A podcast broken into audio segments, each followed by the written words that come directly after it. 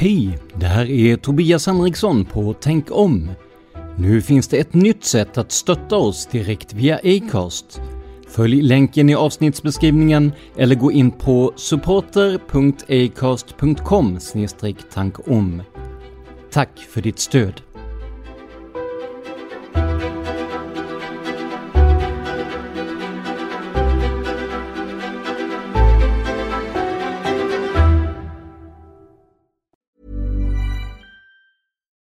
Why don't more infant formula companies use organic, grass fed whole milk instead of skim? Why don't more infant formula companies use the latest breast milk science? Why don't more infant formula companies run their own clinical trials? Why don't more infant formula companies use more of the proteins found in breast milk? Why don't more infant formula companies have their own factories instead of outsourcing their manufacturing? We wondered the same thing. So we made ByHeart, a better formula for formula. Learn more at byheart.com. When you're ready to pop the question, the last thing you want to do is second guess the ring. At Bluenile.com, you can design a one of a kind ring with the ease and convenience of shopping online. Choose your diamond and setting. When you find the one, you'll get it delivered right to your door. Go to Bluenile.com and use promo code LISTEN to get $50 off your purchase of $500 or more. That's code LISTEN at Bluenile.com for $50 off your purchase. Bluenile.com code LISTEN.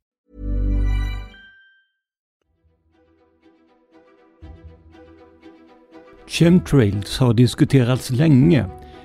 De vita strimmor som ses efter flygplan har påståtts vara allt från vattenånga till kemikalier som kan påverka människors tankar.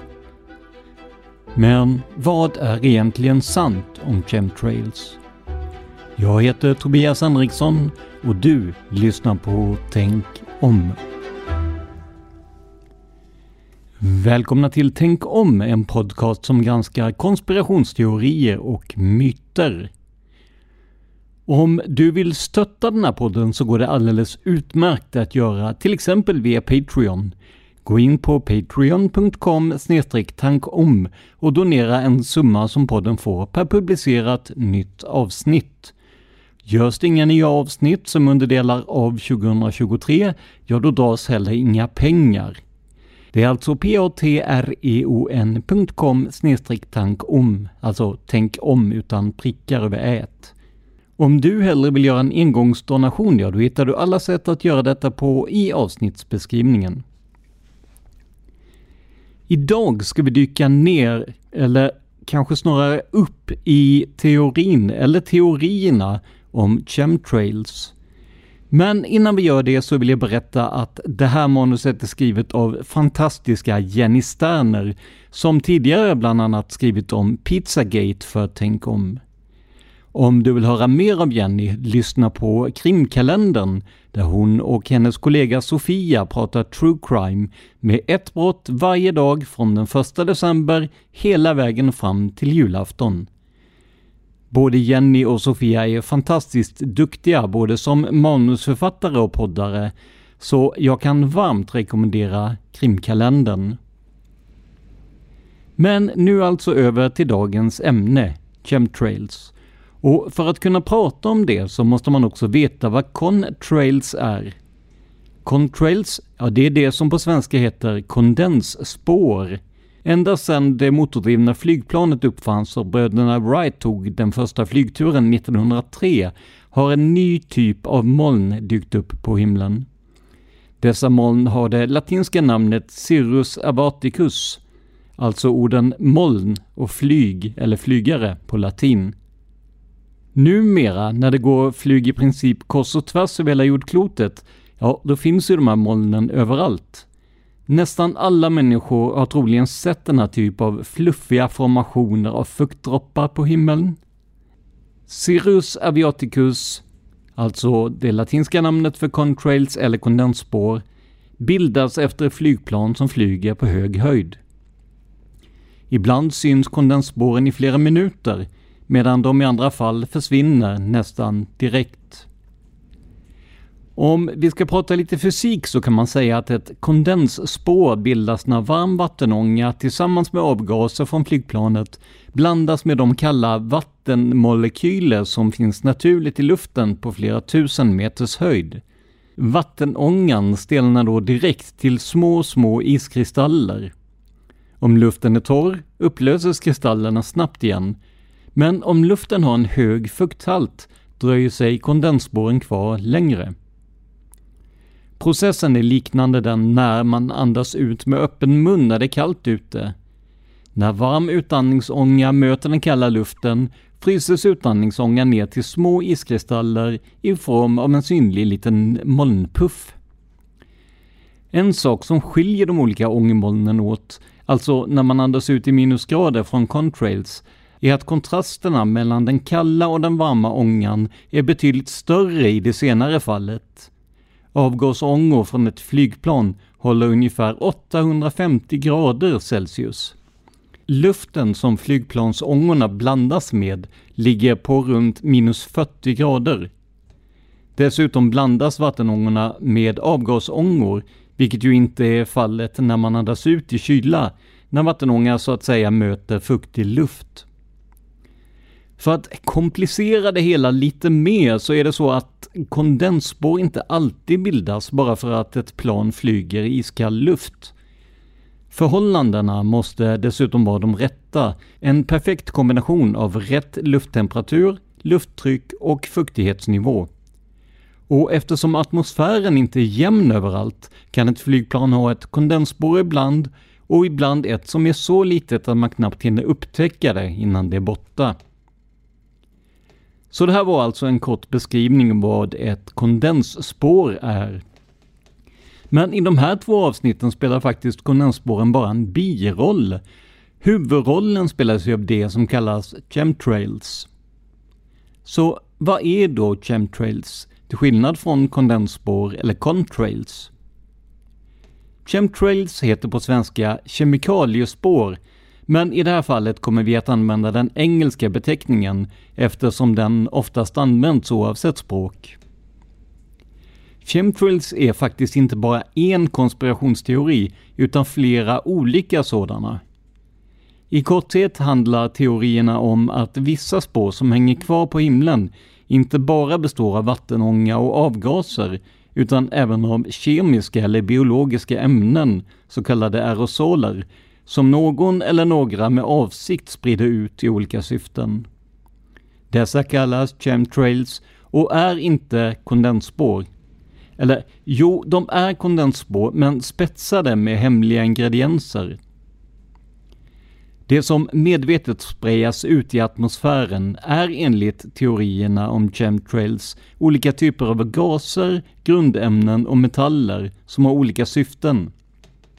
Ett typiskt grundämne som konspirationsteoretiker anser vara en beståndsdel i många chemtrails är barium. Och jag nämnde i början att kondensspår normalt sett försvinner snabbt. Det tar oftast inte mer än några minuter. Och även om luften är fuktig och kondensspåren hänger kvar längre pratar vi fortfarande inte om timmar utan snarare minuter. Eller? Det här är något som förespråkare för chemtrails hänger upp en stor del av teorin och bevisningen av den på. Ändå finns det ibland spår som hänger kvar länge. Ibland mer än en halv dag och när de gör det, hävdar alltså vissa, beror det på att dessa kondensspår inte bara består av ånga och avgaser. Det måste finnas ytterligare en eller flera beståndsdelar Annars skulle kondensmolnet lösas upp snabbare. Alltså till exempel skulle de innehålla barium.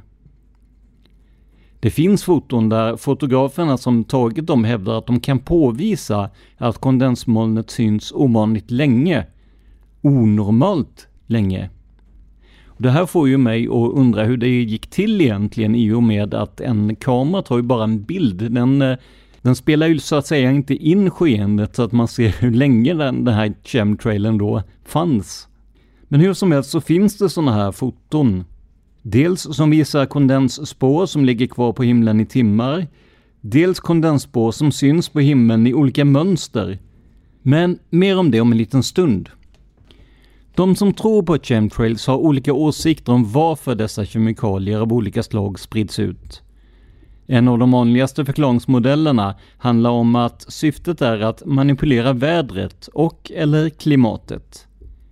Men syftet kan även vara att förbättra mobiltäckningen eller biologisk krigsföring. Befolkningsbegränsning är en annan teori och även att det är ett sätt för olika myndigheter att påverka människors psyke. Det finns de som tror att chemtrails är ett militärt radarsystem. Teorierna är många och vi kommer prata både om de mest spridda teorierna och även om de som är lite mer ovanliga. Att chemtrails finns har avvisats av många olika källor, bland annat av svenska SMHI, Sveriges meteorologiska och hydrologiska institut. Att spåren kan bli långvariga förklarar de och många andra, alltså med att detta förekommer när luftfuktigheten är ovanligt hög. Men hur började allt? Hur uppstod de olika teorierna om chemtrails från första början? Ja, det finns faktiskt en man som ofta kallas chemtrails fader. Han heter Wilhelm Reich och levde mellan 1897 och 1957. Wilhelm var varken kemist eller uppfinnare, som man kanske skulle kunna tro. Nej, han var läkare och psykoanalytiker, en av Sigmund Freuds lärjungar. Ett av Wilhelms huvudfokus i sitt arbete var orgasmen. Han hade flera teorier som förenklat handlade om att en orgasm kan lösa rätt många av de bekymmer som man har i livet. En orgasm kan lösa upp spänningar, göra en gladare, mer fokuserad och utvilad. Det kan till och med bota viss del av psykisk ohälsa enligt Wilhelms teorier. Och det här är ju sånt som idag känns ganska självklart, eh, utom möjligen att det kan bota en viss del av psykisk ohälsa. Utan att fördjupa mig allt för mycket i ämnet så tror jag att många kan hålla med om hans teorier här. Men när Wilhelm började intressera sig för att påverka miljön och vädret på olika sätt var det kanske något av en avstickare från hans vanliga fokusområde. Istället för att på sätt och vis blicka inåt vände han i sin nya forskning blicken utåt. Men kanske var Wilhelms nya fokus inte så långt ifrån hans kärnämne ändå. Wilhelms arbete i stort fokuserade ju på att påverka olika faktorer, som till exempel en persons sinnestillstånd. Och att påverka vädret tyckte han uppenbarligen även det var intressant. Och att det skulle gå att påverka vädret via en orgasm eller två, ja, det var nog ingenting han ens övervägde. Istället byggde Wilhelm en så kallad Cloudbuster, en apparat i huvudsak konstruerad av rör. Wilhelm hävdade att hans apparat kunde påverka vädret. Ville man ha sol kunde hans Cloudbuster fixa det. Dessutom kunde maskinen ta bort skadlig energi ur atmosfären. Det senare är alltså ett citat från honom. Wilhelm trodde alltså både att människan kan påverka vädret och att det finns ämnen i atmosfären som är skadliga för oss människor.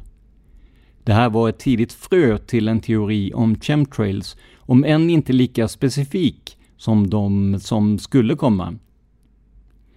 Så när började egentligen de här teorierna om chemtrails som det ser ut idag att spridas?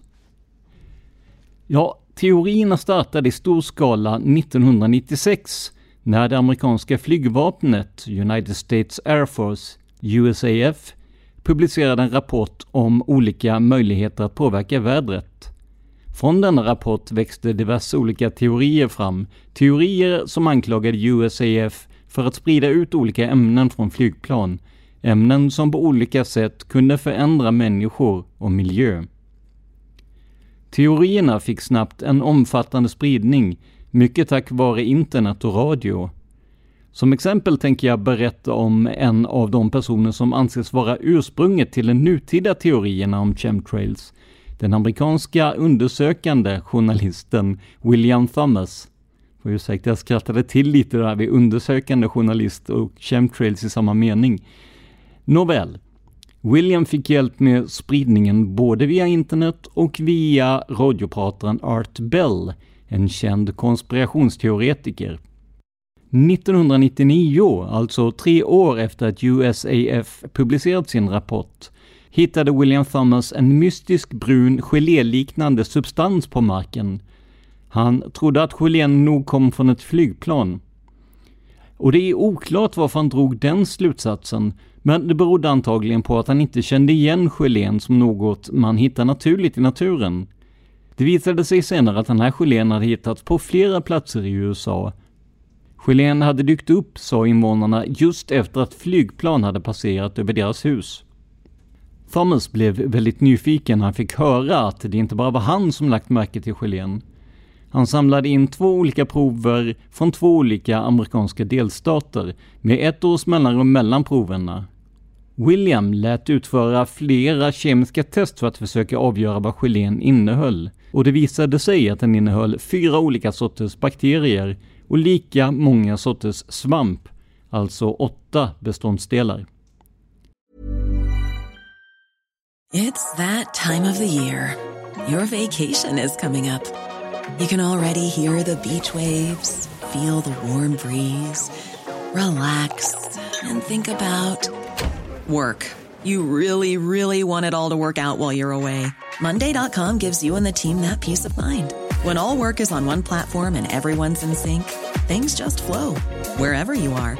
Tap the banner to go to Monday.com.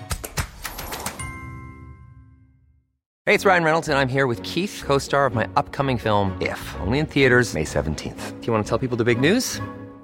All right, I'll do it. Sign up now and you'll get unlimited for $15 a month in six months of Paramount Plus Essential Plan on us. Mintmobile.com slash switch. Upfront payment of $45 equivalent to $15 per month. Unlimited over 40 gigabytes per month. Face lower speeds. Videos at 480p. Active Mint customers by 531.24 get six months of Paramount Plus Essential Plan. Auto renews after six months. Offer ends May 31st, 2024. Separate Paramount Plus registration required. Terms and conditions apply if rated PG. Hey, it's Paige DeSorbo from Giggly Squad. High quality fashion without the price tag? Say hello to Quince.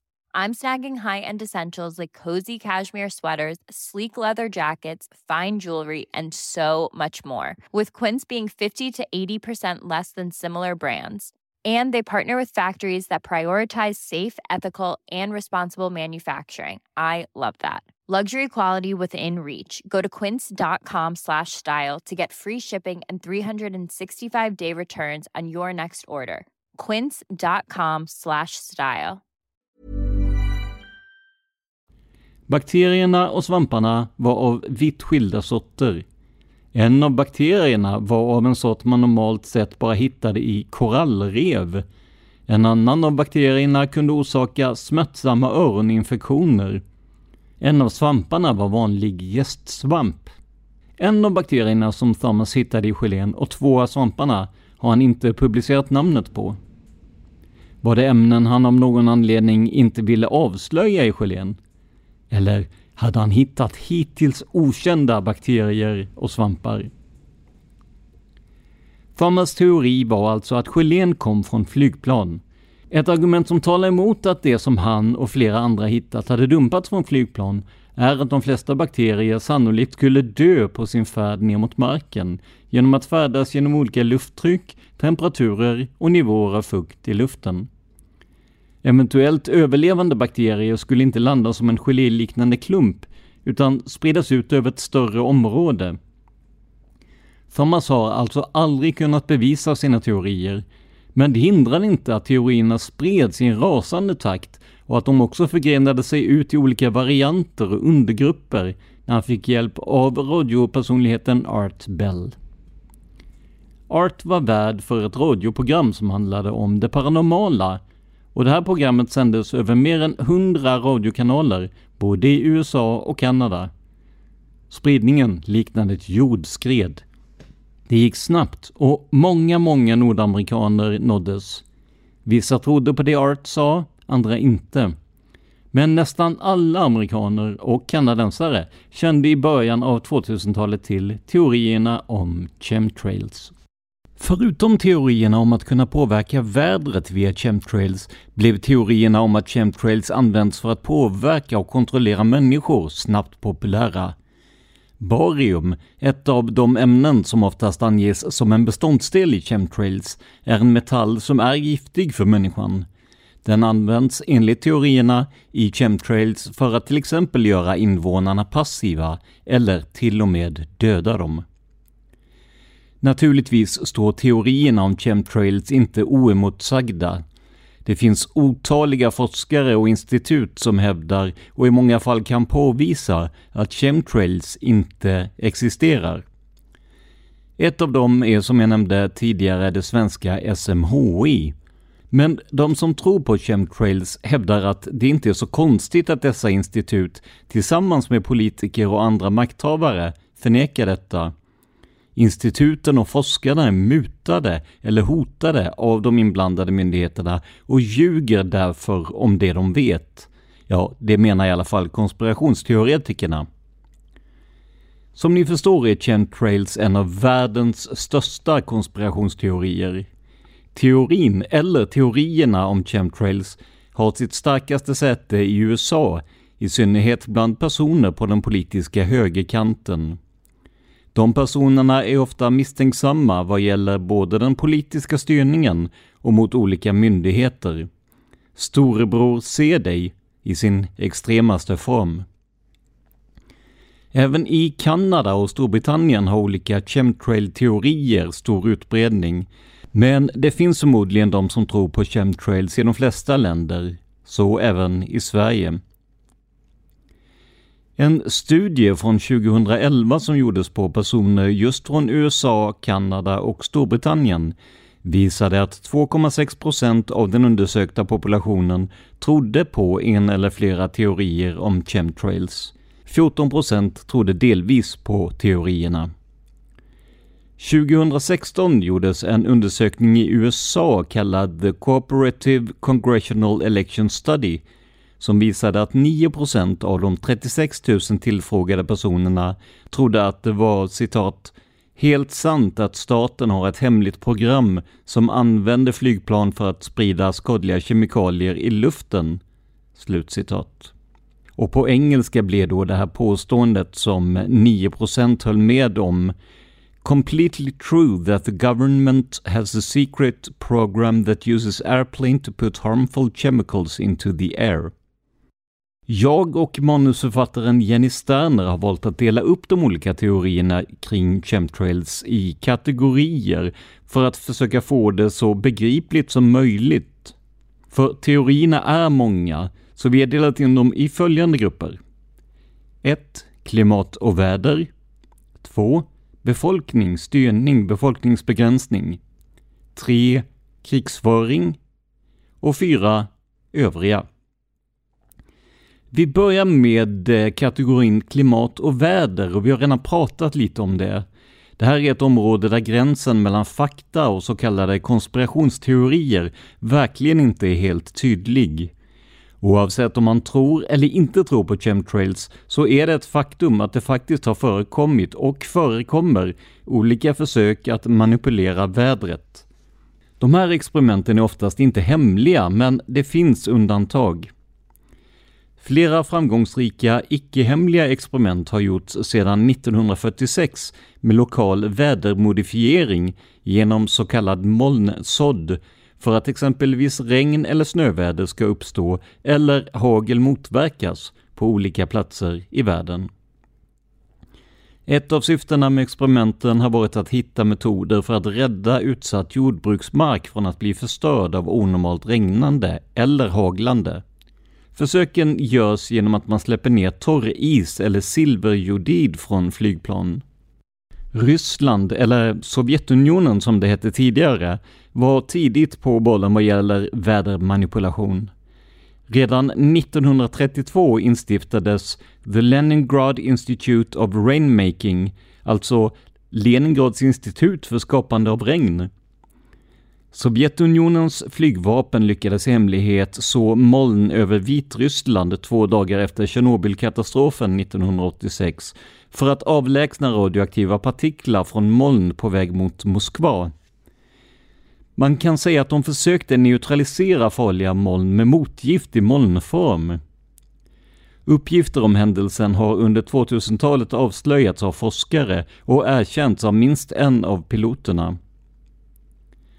En helt öppen och förannonserad molnsådd gjordes av Kina som använde metoden för att försöka förhindra att det störtregnade under öppningsceremonin under OS år 2008.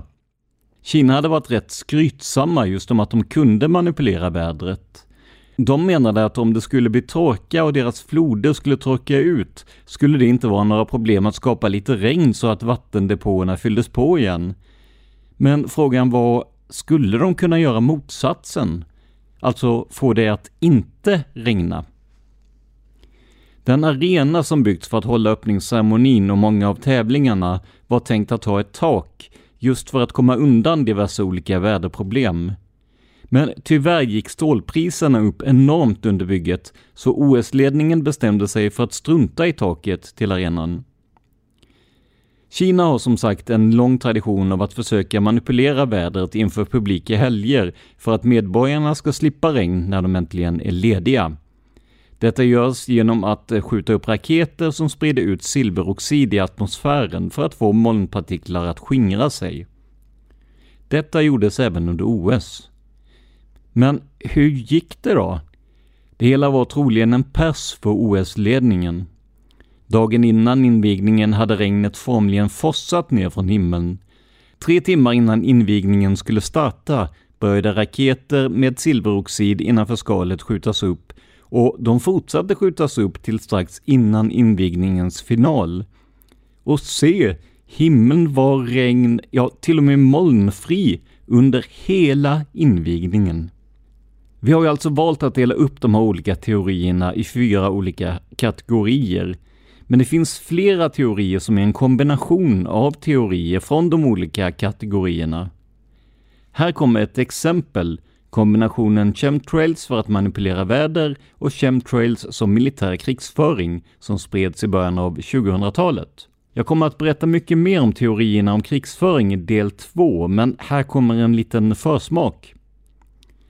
Teorin som kombinerar väder och krig baseras på en studie som heter Weather as a Force Multiplier Owning the Weather in 2025.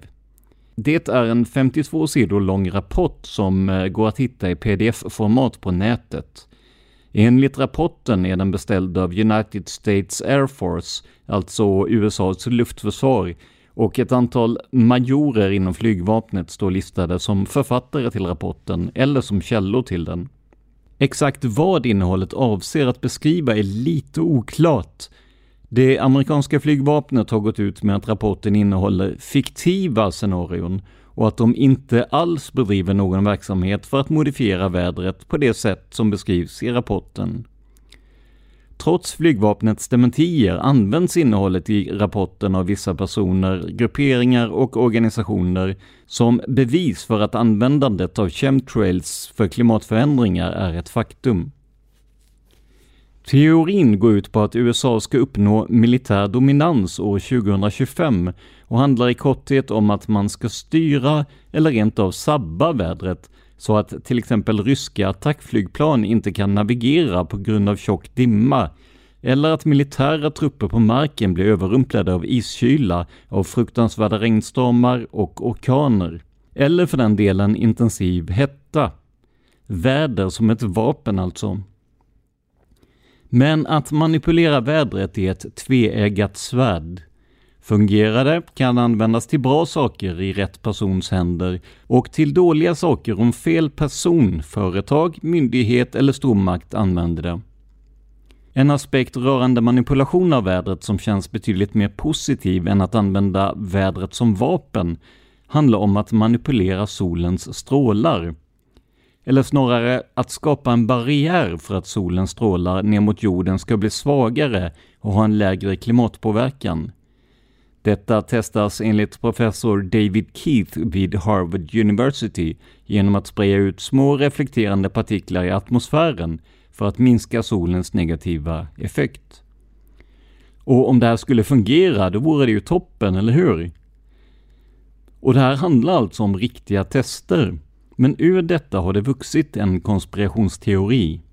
Grunden till den är densamma som det jag berättade nyss, Enligt teorin görs tester för att blockera solens skadliga strålar. Men det är inte myndigheterna som utför de här testerna. Nej, de som står bakom spakarna är enligt den här konspirationsteorin inom citationstecken eliten. Exakt vem eller vilka eliten är specificeras inte. Men kanske höga politiker, rika personer och makthavare av annat slag.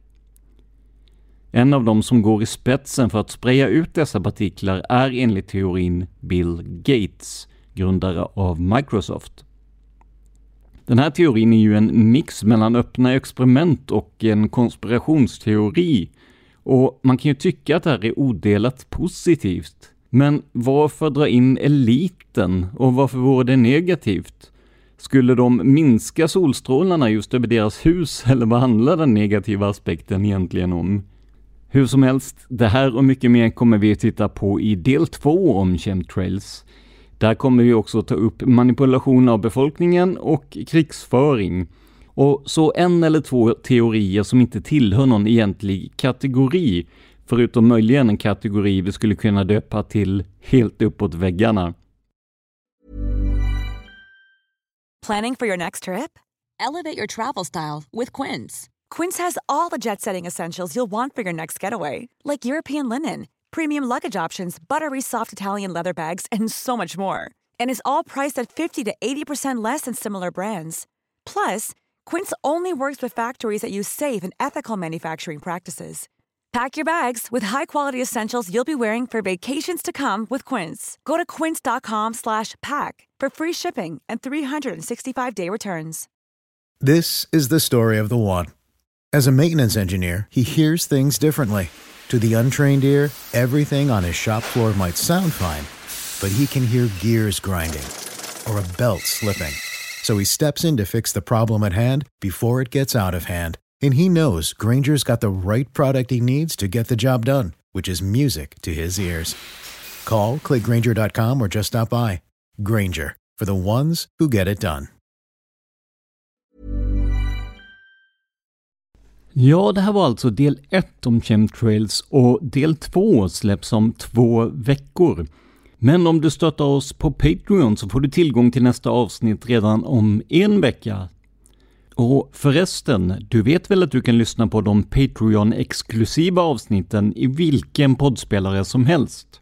Gå in på patreon.com tankom och om du är sponsor eller blir det vid besöket så kommer du att få en unik RSS-feed som du kan kopiera och klistra in i valfri poddspelare. Då behöver du inte lyssna via webbsidan eller Patreons app. Och du hittar din unika RSS-feed under fliken Membership. Nu har vi gått igenom det mesta med Patreon, men jag kan ändå berätta att det i dagsläget finns tre olika nivåer för era sponsorer.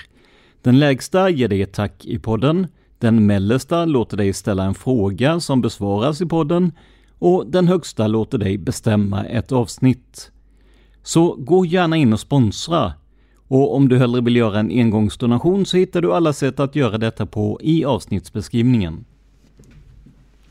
Och vi kör väl en liten shoutout till våra sponsorer också. Det här är listan på er som sponsrar på någon av nivåerna. Och tycker ni att ert namn saknas här så kan det vara för att ni nyligen har blivit sponsorer och det inte hunnit dra någon summa ännu.